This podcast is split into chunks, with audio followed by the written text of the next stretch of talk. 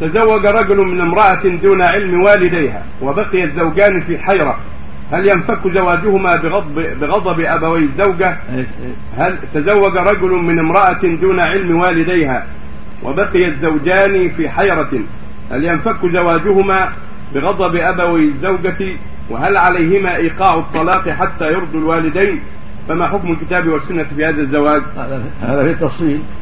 يعني الأب هو الولي. كيف يتزوجه هذا ما يصلح.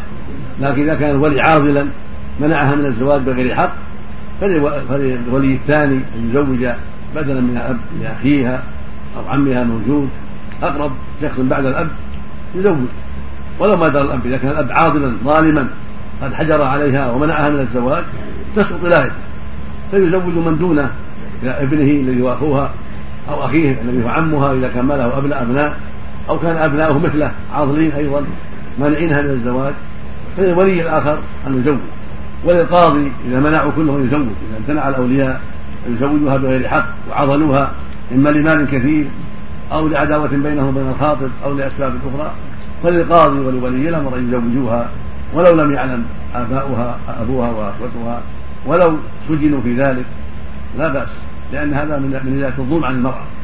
أما أن يزوجها غير أبيها بغير حق وبغير عظم من أبيها وبغير سبب شرعي هذا يكون في نكاح باطل فاسد. النبي عليه الصلاة والسلام قال لا نكاح إلا بولي وأبوها هو الولي مقدم على بقية الاولياء المقصود أنه إذا إذا زوجت بغير أمر شرعي يكون نكاح فاسد ويستحق الزوج والزوجة التأديب والتعزيز من جهة ولاة الأمور حتى لا يعودوا إلى مثل هذا لا هم ولا غيرهم. أما إذا كان الزواج عن عضل من الاولياء وعن اذن شرعي من ولاة الأمور لأن الولي عضل وظلم فلا تسقط ولايته لأن قال ولا تعضلوهن إذا عضلها أبوها أو إخوتها أو أو أعمامها أو بنو عمها وظلموها ومنعوها من الزواج دخل ولي الأمر. فدخل القضاء ودخل ودخل ولي الأمر. النبي عليه الصلاة والسلام قال السلطان ولي من لا ولي له والعاضل ليس بولي. نعم. أنا شاب. إذا كان بينهم عداوه فتزوجها جبرا يودي الموضوع لا شغل يعني إذا كان المسجل بينه وبين أهل الزوج في حد ينظر ولي الامر ينظر ولي الامر يرفع الأمر للقاضي والقاضي ينظر. هم يظلمون أهل يجحنا بينهم في الخصومات وأشبه ذلك. وهو صالح في نفسه ويريده وتريده وش دخلها فيه؟